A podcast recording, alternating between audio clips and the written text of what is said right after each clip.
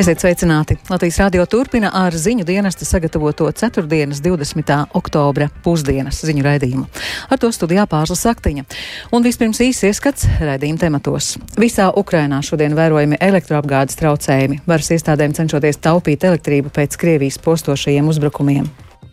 Не буде працювати міський комунальний електричний транспорт. Visā apgabalā no 7 rītā līdz 11 vakarā tiks atslēgta ūdens apgāde. Nedarbosies sabiedriskais elektrotransports, tiks izslēgts ielu apgaismojums.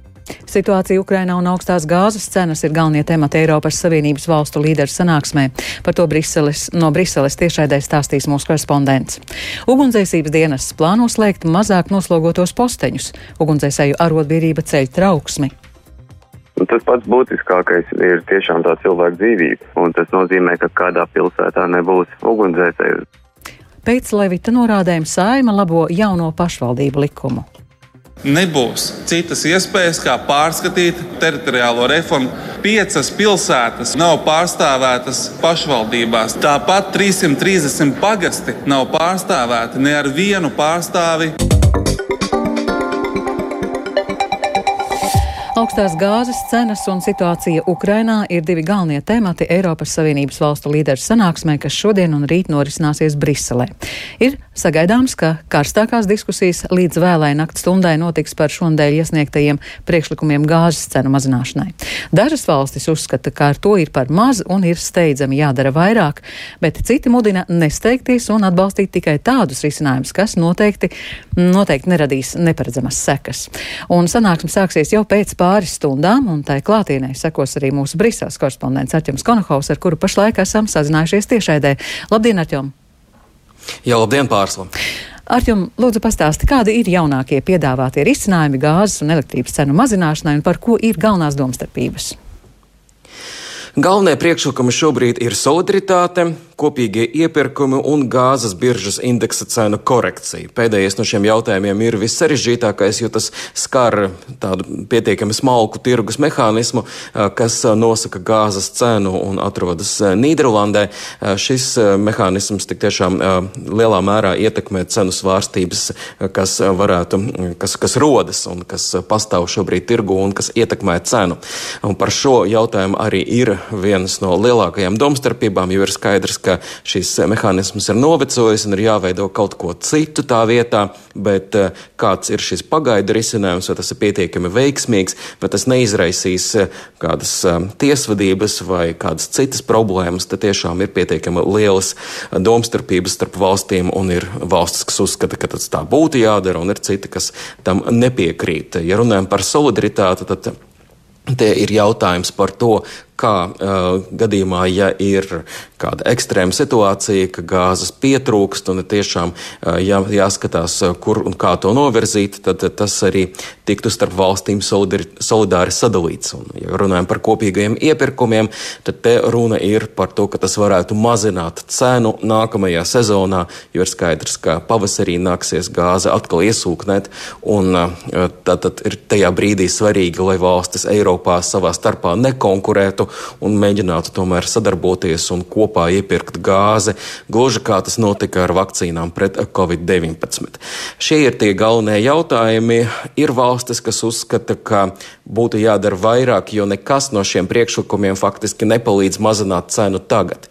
Nekas no tā nepalīdz samazināt, uh, atslogot patērētājus, atslogot uzņēmējus un palīdzēt viņiem pārvarēt šo ziemu. Ir skaidrs, ka patēriņa drošums, piegāžu drošums, šis jautājums ir atrisināts, bet cenas jautājums nav atrisināts, un tas ir arī tas būtiskākais, eh, par ko ir diskusijas. Turpretī tie, kas šādus risinājumus neatbalsta, saka, ka mums ir jābūt piesardzīgiem un jāizmanto tā nauda, kas ir Eiropas Savienības budžetā jau tagad, un eh, jāmēģina spērt tikai tādus soļus, kas neradīs nekādas neparedzamas sekas, jo um, enerģētikas un gāzes tirgus ir ļoti sarežģīts un tajā ir daudz spēlētāju, un tur ir vajadzīga ļoti, ļoti uzmanīga analīze. Un par to tad arī būs dalību valstu vadītāju līmenī diskusijas, kas tik tiešām, kā jau tika norādīts, ilgs līdz vēlai naktī visticamāk, un tad arī rīt vēl.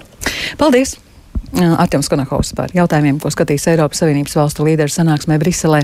Tikmēr visā Ukrainā šodien novērojami elektroapgādes traucējumi. Tā varas iestādes cenšas taupīt energoresursus pēc postošajiem Krievijas spēku uzbrukumiem. Un kā prognozēja Ukrainas puse, Krievu militāristu uzbrukumos varētu būt konsultējušies ar enerģētikas speciālistiem Krievijā. Vienlaikus Rietumvalstis ir solījušas sniegt Ukrainai atbalstu infrastruktūras atjaunošanā. Vairāk stāstūģis Lībietis. Pēc pēdējo dienu spēcīgajiem Krievijas uzbrukumiem bojāti ir aptuveni 40% Ukrainas energosistēmas infrastruktūras. Par to ir paziņojis Ukrainas enerģētikas ministrs Aleksandrs Harčenko. Daudz vietā turpinās remontdarbi un pieslēgšanās rezerves tīkliem, taču, lai nepārslogotu sistēmu, šodien daudz vietā Ukrainā uz laiku tika pārtraukta vai tiks traucēta energo piegāde. Tā piemēram, vēl vakar vakarā Sumu apgabala militārās administrācijas vadītājs Dmitrijs Ževickis paziņoja, ka elektrības taupīšanas nolūkā ceturtdien tiek spērti diezgan radikāli soļi. Не буде працювати міський комунальний електричний транспорт. Visā apgabalā no 7 rītā līdz 11 vakarā tiks atslēgta ūdens apgāde. Nedarbosies sabiedriskais elektrotransports, tiks izslēgts ielu apgaismojums. Mēs aicinām ražošanas uzņēmumus, restorānus un kafejnīcas izsludināt brīvdienu, sanitāro dienu vai arī maksimāli ierobežot elektroenerģijas patēriņu. No šīs dienas ir atkarīgs tas, kā turpmākajās nedēļās un mēnešos darbosies Ukrainas energosistēma. Як буде працювати енергетична система України? Kā norāda Ukrāņu komentētāji, tad Krievijas triecieni ar raķetēm un droniem ir galvenokārt tikuši vērsti pret transformatoru apakšstacijām, kas savieno termoelektrostacijas ar energoapgādes tīkliem. Tieši šo transformatoru izgatavošanu, atjaunošanu un uzstādīšanu var prasīt ļoti ilgu laiku, līdz pat gadam.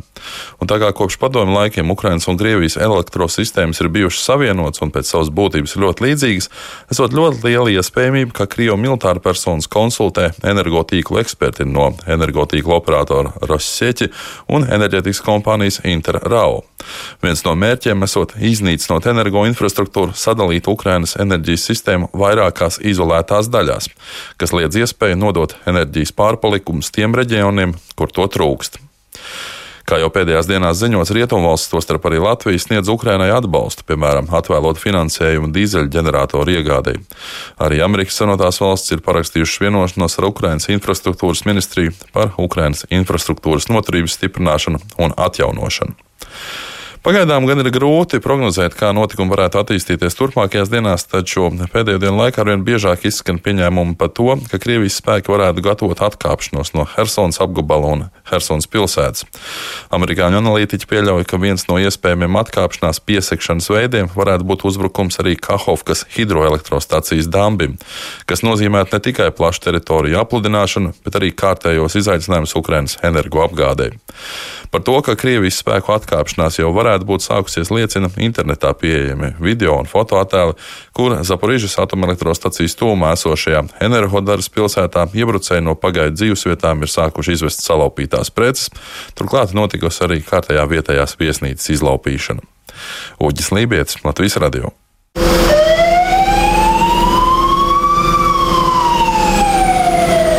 Esmu valsts ugunsdzēsības un glābšanas dienesta Valmieras daļā, ir saņemts kārtējais izsaukums. Vada komandieru vietnieks Mikls Rakits stāsta, ka. Š... Nu, mēs turpinām tiešām ar ugunsdzēsēju sirēnām. Kritiska personāla trūkuma dēļ valsts ugunsdzēsības un glābšanas dienests plāno īslaicīgi slēgt mazāk noslogotos posteņus. Tikmēr ugunsdzēsēja arotbiedrība ceļ trauksmi un aicina iedzīvotājus parakstīties portālā Mana balss LV par posteņu saglabāšanu. Posteņu slēgšana nozīmē, ka riskam būs pakļauta sabiedrība. Tā norāda arotbiedrība. Šobrīd mm, studijā ir Linda Spundiņa. Viņa nu pat ir uzklausījusi ugunsdzēsības dienesta un iekšlietu ministra skaidrojums par plānotajām izmaiņām. Uh, Linda, pastāst lūdzu, kāpēc plānot slēgt mazāk noslogotos posteņus? Uh, labdien! Uh, tas, kas, uh, to, ko būtu svarīgi pieminēt, ka īslaicīgi slēdz, tas nozīmē, ka uh, atsevišķi posteņi varētu nestrādāt uh, divas, no vienas dienas līdz divām nedēļām ar pārtraukumiem līdz gada beigām. Un tā situācija ir tāda, ka tā īsa atbilde ir tāda, ka nav kas strādā. Jo, ja, piemēram, kādā no posteņiem ir uh, trīs, uh, dežūrmaiņā nodrošina trīs cilvēku sastāvu, tad uh, viss ir kārtībā. Savukārt, ja kāds iztrūks, tad no šiem posteņiem kāds dodas tālāk uz kādu citu posteni un tad jau veic savus darbus. Un šī situācija, kā minēja amatpersonas, ir veidojusies jau sen, un to varēja novērst. Diemžēl tas ir patiesībā atdurās pret finansējumu, kas jau ilgstoši nozarē trūkst. Un runājot par valsts ugunsdzēsības un glābšanas dienestu, tad nekomplekts šeit ir jau 12%. Tas nozīmē, ka 12% strādājošo iztrūkums ir. Un, jāpiemina tas, ka ilgstošā prombūtnē šobrīd ir 162 darbinieki, un kopējais tas iztrūkums šobrīd veidojās 450 strādājošie, bet, lai tā vieglāk būtu salīdzināt, tad vienā, piemēram, vienā eh, mašīnas ekipāžā ir trīs darbinieki, un tad šo iztrūkumu sadalot uz, ar uh, trīs darbiniekiem, tas parāda to, ka ir 150 ekipāžu trūkums patiesībā. Un uh, operatīvos darbiniekus uh, tātad uh, pārcels uh, uz citām struktūra vienībām, un uh, runa šobrīd ir par 18 posteņiem, kas ir uh, izanalizēti, kas ir mazāk noslogoti līdz, ši, uh, līdz šim, un uh, tad ir jāmin arī tas, ka iedzīvotājs saņems nepieciešamo palīdzību, un nebūs uh, situācijas, ka, uh, piemēram, kaut kas degs, bet eh, nebūs kas atbrauc. Tomēr jāpiemina, ka reaģēšanas laiks eh, būs eh, garāks. Vēl gribu pieminēt, ka patiesībā šis ir kā signāls deputātiem, ka ja nozara turēta ilgstoši tādā kā badā, Un nu, arī arotbiedrība, iekšlietu darbinieku arotbiedrība min to, ka kaut kas ir jāmaina, un arī piemin to, ka valsts policijā arī ir liels iztrūkums. Tur gan vaicāja, vai arī līdzīga situācija nebūs valsts policijā.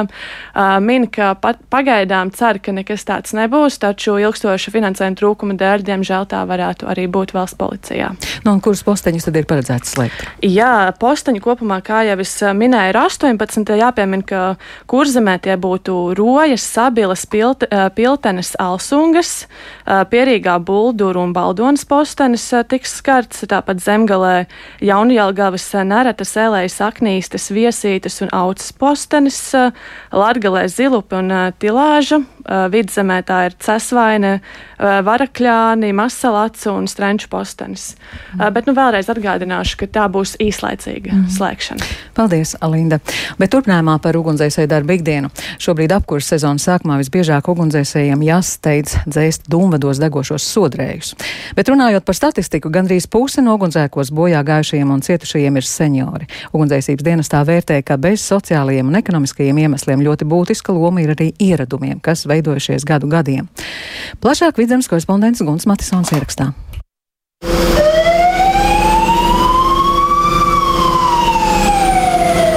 Kad esmu valsts ugunsdzēsības un glābšanas dienesta Valmieras daļā, ir saņemts kārtējais izsaukums. Vada komandieru vietnieks Mikls Rakets stāsta, ka šobrīd degošie kursteņi ir pat lielākā aktualitāte. Pirms apkurses sezonas noteikti jāiztīra dūmats. Man personīgi ir bijusi situācija, ka izsaukumā degā vienkārši dūmadā sodrei, bet eh, cilvēkam no uztraukuma paliek eh, slikti. Svarīgākais ir iztīrīt skursteņus, parasti rudenī. Ērģemes pagasta iedzīvotāja Edīte stāsta, ka ikdienā nāks kurināt divas krāsnes un arī plīti. Tādēļ par ugunsdrošību tiekot piedomāts. Ir dūmu detektori, ir visās telpās, izņemot virtuvi. Pie krāsniņām mums ir bleķa plāksnītes. Cenšamies neko neatstājam degošu, ka paši braucam projām. Bet cits vērojums par to, kā ir ar ugunsdrošību mājās ar malkas apkuri, ir Santai, kurai ērģems pagastā dzīvo vecais tēvs. Kopš es atceros, vienmēr pie plīts bija no nu, arī groziņš, kur dažādas drazas meta. Tas jau nav uh, mainījies. Un šos paradumus, kas cilvēkiem veidojušies gadu gaitā, kā vienu no galvenajiem iemesliem, uzskaita arī glābšanas dienestā. Un turpina vecākā inspektore Sandra Vējiņa. Plīce, kuru mēs kurinām, un uz plīces malas ir uzlikta kartona kastīte. Viens variants šeit ir iekšā saburzītas avīzītes, iekuram, un vēl ir skaliņi. Vēl, eh, kad, piemēram, krāsnī durtiņas, kaut ko piestutējot, viņas var aizvērt cieta. Dodoties uz izsaukumiem, savu vērojumu ir arī vada komandieru vietniekam Mikum Raketskim. Drēmes uz uh, dūmatu kanāliem, nu, novecojusi elektroinstalācija, visi vadi, kas ir palikuši no seniem laikiem, tāpat tiek lietotas bojātas ierīces, bojāti pagarinātāji ar bojātām izolācijām. Gan plīts, gan dūmaļi aplaisājuši, un bēniņos arī visticamāk dūmaļi ir aizkrauti ar degošām mantām. Kāda tad ir izēja, lai ugunsgrēkos būtu mazāk cietušo? Ugunsdzēsības un glābšanas dienestā uzsver, pirmais ir dūmu detektors. Vecajiem cilvēkiem, īpaši laukos, viņš nav uzstādīts, vai arī viņam ir jau beigusies baterija. Parasti laukos tā var teikt, ka grēko. Bet runājot par senioriem, it sevišķi tiem veciem cilvēkiem, kur dzīvo vientuļi, būtu ļoti svarīga arī līdzcilvēku uzmanība. Kaimiņam, lai atnāk palīgā, vai nezinu, mazbērniem, pajautāt kādam, nekaunēties pajautāt. Arī pie šiem vientuļiem senioriem dodas sociālie dienesti, atnāk pieteikties ciemos arī pie inspektoriem. Arī iepriekšējo gadu ugunsgrēku statistika liecina, ka procentuāli vairāk tajos cieš seniori. Jaunajā paudzē šie paradumi tomēr mainās, un arī dūmu detektori, ugunsdzēsmie aparāti mājās ir pašsaprotams lietas. Gunta Matisona Latvijas Rādio vidzemē.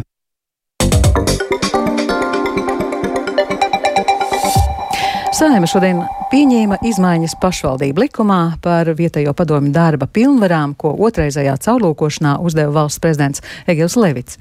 Attiecīgos grozījumus virzīja Saimas pašvaldību komisija un parlamentārieši tos bez izmaiņām atbalstīja balsojumā. Vairāk Jāņa Kīņša sagatavotajā ierakstā. Atdodot saimai pašvaldību likumu otrreizējai caurlūkošanai, valsts prezidents Egils Levits uzsvēra, ka likumā obligāti nepieciešams paredzēt tieši vēlētas vietējo kopienu pašvaldību padomes, kas varētu pārstāvēt vietējās kopienas intereses saziņā ar pašvaldību un arī pašas izlemt vietējas nozīmes jautājumus. Padomju darbā prezidents saskata nomaļa efekta nepieļaušanu lielākās pašvaldībās. Par likumu atbildīgās saimnes pašvaldību komisijas priekšsēdētāja Inga Goldberga no partijas saskaņa Latvijas radio pauda pārliecība, ka likums pielāgots atbilstoši prezidenta vīzijai daudz lielāku lomu piešķirt līdzdalības budžetam, un nedaudz iepriekš ir pieņemts arī referendumu likums. Un visas šīs lietas ir saistītas ar to, kā vairāk iesaistīt iedzīvotājs pašvaldību darbā. Prezidents aicināja caurlūkot pašvaldību likumu un pārskatīt tieši to pantu, kas runā par iedzīvotāju padomēm precizējot gan, kas tiks ievēlēts padomēs, kas var vēlēt padomēs, kā arī precīzāk noteikt kompetenci jomu. Likuma grozījumi noteica, ka iedzīvotāju padomus varēs lemt par pašvaldības teritorijas labiekārtošanu, uzņēmējdarbības attīstību un vietējām kultūras norisēm. Šiem nolūkiem būs pieejams arī līdzdalības budžets. Tāpat likums paredzēs, ka attiecīgās pašvaldības domai būs pienākums pirms lēmumu pieņemšanas noskaidrot iedzīvotāju padomas viedokli par šiem jautājumiem gadījumos, kad gaidāmais lēmums varētu skart attiecīgās teritorijas iedzīvotāju intereses. Kandidēt par iedzīvotāju padomus locekli un piedalīties vēlēšanās var fiziskas personas, kuras sasniegušas 16 gadu vecumu un ir Latvijas vai Eiropas Savienības pilsoņi. Kandidēt darbam padomē varēs arī cilvēki, kuri nav Latvijas pilsoņi, bet ir reģistrēti fizisko personu reģistrā.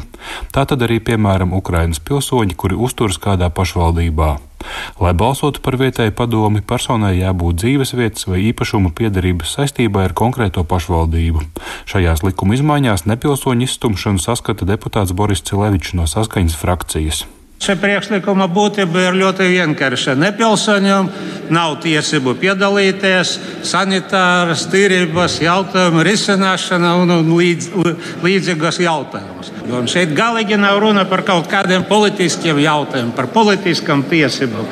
Tad manā skatījumā tas ir absolūti pretējs, kas tiek sludināts visas mūsu programmas par, par integrāciju un tā tālāk. Debašu turpinājumā izskanēja arī atbildu šo piezīmi. Ja kāds nepilsonis vēlēsies iesaistīties vietējās padomas darbā, tad tā būs papildu motivācija nokārtot pārbaudījumus, lai iegūtu pilsonību. Vienlaikus deputāts Viktors Valēns no Zaļo un Zemnieku savienības bija aicinājis likumā paredzēt padomas pārdēvēt par valdēm, noteikt tās par pašvaldības institūcijām un paplašināt to kompetences. Deputāts rosināja noteikt, ka vietējās padomas ievēl līdzīgā kārtībā, kā notiek pašvaldību vēlēšanas. Šie priekšlikumi nav atbalstīti, jo paredzētu gan papildus izmaksas, gan arī vairāku citu likumu izmaiņu izmaiņas. Tāpēc Valēns valsts prezidenta uzdevumā sagatavotās likuma izmaiņas sauc par kosmētiskām. Ja pašvaldību likums paliek tāds, kā jūs šobrīd viņu grasaties atbalstīt, tad nebūs citas iespējas, kā pārskatīt administratīvo teritoriālo reformu kopumā. Piecas pilsētas šobrīd nav pārstāvētas Latvijas pašvaldībās. Tāpat 330 pagasti nav pārstāvēti ne ar vienu pārstāvi konkrētajā pašvaldībā. Lem par teritoriju plānojumiem 50, 60, 70, 80 km no tās vietas, par kuru faktiski tiek pieņemts lēmums. Lielākā daļa sabiedrība neatbalsta šo administratīvo teritoriālo reformu un pamatā tikai tāpēc, ka tā vara ir attālinājusies no cilvēkiem. Valsts prezidenta kancelē caurlūkošanai atdotā likuma grozījums ir atzinusi par atbilstošiem Levita norādēm. Pašvaldību likums stāsies spēkā nākamā gada 1. janvārī. Jānis Kincis, Latvijas radio. Saimnes atkārtoti pieņemtajā pašvaldību likumā parlaments atbalstīja arī Zaļo un Zemnieku savienības deputāta Viktora Valēņa priekšlikumu paplašināt pašvaldību tiesības lemt par azartspēļu atļaušanu vai aizliekšanu. Likumā tagad būs noteikts, ka tikai domas kompetencē ir lemt par azartspēļu organizēšanas vietu atļaušanu vai aizliekšanu pašvaldības administratīvajā teritorijā. Tādējādi varētu teikt, m, mm, tikt mazināti strīdi par dažādu likumu normu piemērošanu, kā rezultātā domju lemto par spēļu zāļu aizliekšanu atceļ uzraugošā ministrija. Par mēnesi pagarināta valsts ieņēmuma dienesta ģenerāldirektors Ievas Jaunzemes disciplināra lietas pārbaude. Tas nozīmē, ka iespējams šis būs viens no jautājumiem, kuru nāksies atrisināt nākamajam finanšu ministram. Linda Zalāna skaidro, kādēļ pārbaudas termiņš pagarināts un vai šādā veidā netiek novilcināts laiks. Par mēnesi pagarināts valsts ieņēmumu dienesta ģenerāldirektoras Ievas Jaunzemes dienesta pārbaudas termiņš. Finanšu ministrijas pārstāvis Aleksis Ierotskis pauž, ka tas darīts, lai rūpīgi pārbaudītu visus faktus. Likums pārredz uh, disciplināru lietu izmeklēšanu pagarināt arī līdz pusgadam. Pat labam termiņš ir pagarināts pa vienu mēnesi, jo komisija ir nepieciešams ļoti rūpīgi pārbaudīt visus faktus, jo šī nav dienesta pārbaude, bet disciplināras izmeklēšanas komisija. Tādējādi ļoti rūpīgi ir nepieciešams pārbaudīt visus faktus, lai komisija varētu pieņemt lēmumu. Uz jautājumu, vai disciplināra lieta papildināta vēl ar kādiem jauniem pārkāpumiem, kurus jāizmeklē, Jarotskis pauž šādi. Tas, par ko ministrs bija ierosinājis to visu, tas arī ietvaros arī tiek veikta pārbaude. Plašākus komentārus Latvijas radio nesniedz arī korupcijas novēršanas un apkarošanas birojas, kā arī Tieslietu ministrija, kas darbojas disciplināra lietas komisijā. Vien norāda, ka bija ģenerāldirektors Ievas Jaunzemes dienesta pārbaude turpinās. Komisiju vada Finanšu ministrijas administrācijas vadītāja Ieva Braunfelde. Valsts ieņēmumu dienesta ģenerāldirektore Ieva Jaunzeme Latvijas radio atklāja, ka dienu pirms disciplināra lietas pārbaudas beigām saņēma no Finanšu ministrijas ziņu, ka tā pagarināja pagarināta vēl par mēnesi. Šobrīd nekādi papildus paskaidrojumi nav prasīti. Un tajā brīdī, kad pagarināja, viss jau bija iesniegts. Pirmdien es saņēmu vēstuli no komisijas vadītājas Ievas Braunfeldes, kurā man informēja, ka Šonedēļ notiks komisijas sēde, nekonkretizējot, kurā dienā un kurā datumā, pēc kuras es saņemšu vēl kādu informāciju. Jārēķinās, ka ir pagājis jau mēnesis un vesela nedēļa. Pēc tā, cik es esmu sniegusi informāciju, tā materiāla mape nav ļoti bieza. Runa ir par diviem iekšēji audita ieteikumiem un vienu man publisko izteikumu. Jaunzeme pauž, ka jau ir izsmēlusi visu, kas viņai sakāms par šiem diviem iekšējā audita ieteikumiem. Tiešām vairāk nebūtu ko piebilst, lai tas neizskatītos pēc laika vilkšanas. Jaunzeme arī atgādina, ka viņai jau reiz ir bijusi dienesta pārbaude, un toreiz tā ilga trīs mēnešus. Publisko tiesību institūta direktors Arvīts Draunieks uzsver, ka, lai izvērtētu konkrēto disciplināru lietu, viņam nepieciešams aplūkot pārbaudas dokumentus, bet tie, protams, nav publiski pieejami iepazinos ar to, kas līdz šim ir publicēts, var rasties iespējas, ka ir kaut kāda personiskā interesētība, šķietama interešu sadursme. Pirmais, kas, manuprāt, ir aplami. Ministram nav jāpieņem šāda veida lēmumi. Ja kāds saka, ka tas ir juridiski noteikti, tas ir vienkārši ir aplams regulējums. Steidzamie lēmumi būtu jāpieņem nozars vadošai iestādē, par parasti tas ir ministrijas valsts sekretārs un faktu vērtētājiem pēc draunieka teiktā būtu jābūt ārpus finanšu ministrijas, piemēram, valsts kancelējā. Uz jautājumu, cik ilgi šī disciplināra lieta varētu ilgt, draunieks pauž šādi. Es teiktu, ka tas ir atkarīgs no nākamā finanšu ministra. Jebkurai pārbaudē, pat ir tā sarežģīta var eh, novirzīt vairāk resursu, paliek ātrāk, un jebkuru ja vienkārši pārbaudu var arī nu, novilcināt. Tā nav prioritāte, vienkārši tam nav laika. Es domāju, tik augstu amatpersonas turēt gaisā un nesaprotamā stāvoklī ilgi nav pareizi. Draunieks spriež, ka šis būs viens no jautājumiem, kuru nākamajam finanšu ministram nāksies atrisināt pēc iespējas ātrāk. Linda Zalāne, Latvijas radio. Atgādināšu, Ievas Jaunzemes disciplināra lietas pārbaudi Finanšu ministrija rosināja gan uz dienesta pārbaudas ziņojumu pamata, gan reaģējot uz korupcijas apkarotāju aizturēšanām ieņēmuma dienesta muitas un finanšu policijā un iekšējās drošības pārvaldē. Un ar to izskan pusdienas ziņu raidījums. Producents Edgars Kupčs, ierakstus montēja Kaspars Groskops, par labskaņu ļopējās Katrīna Bramberga. Ar jums runāja Pārsla Saktiņa. Yeah.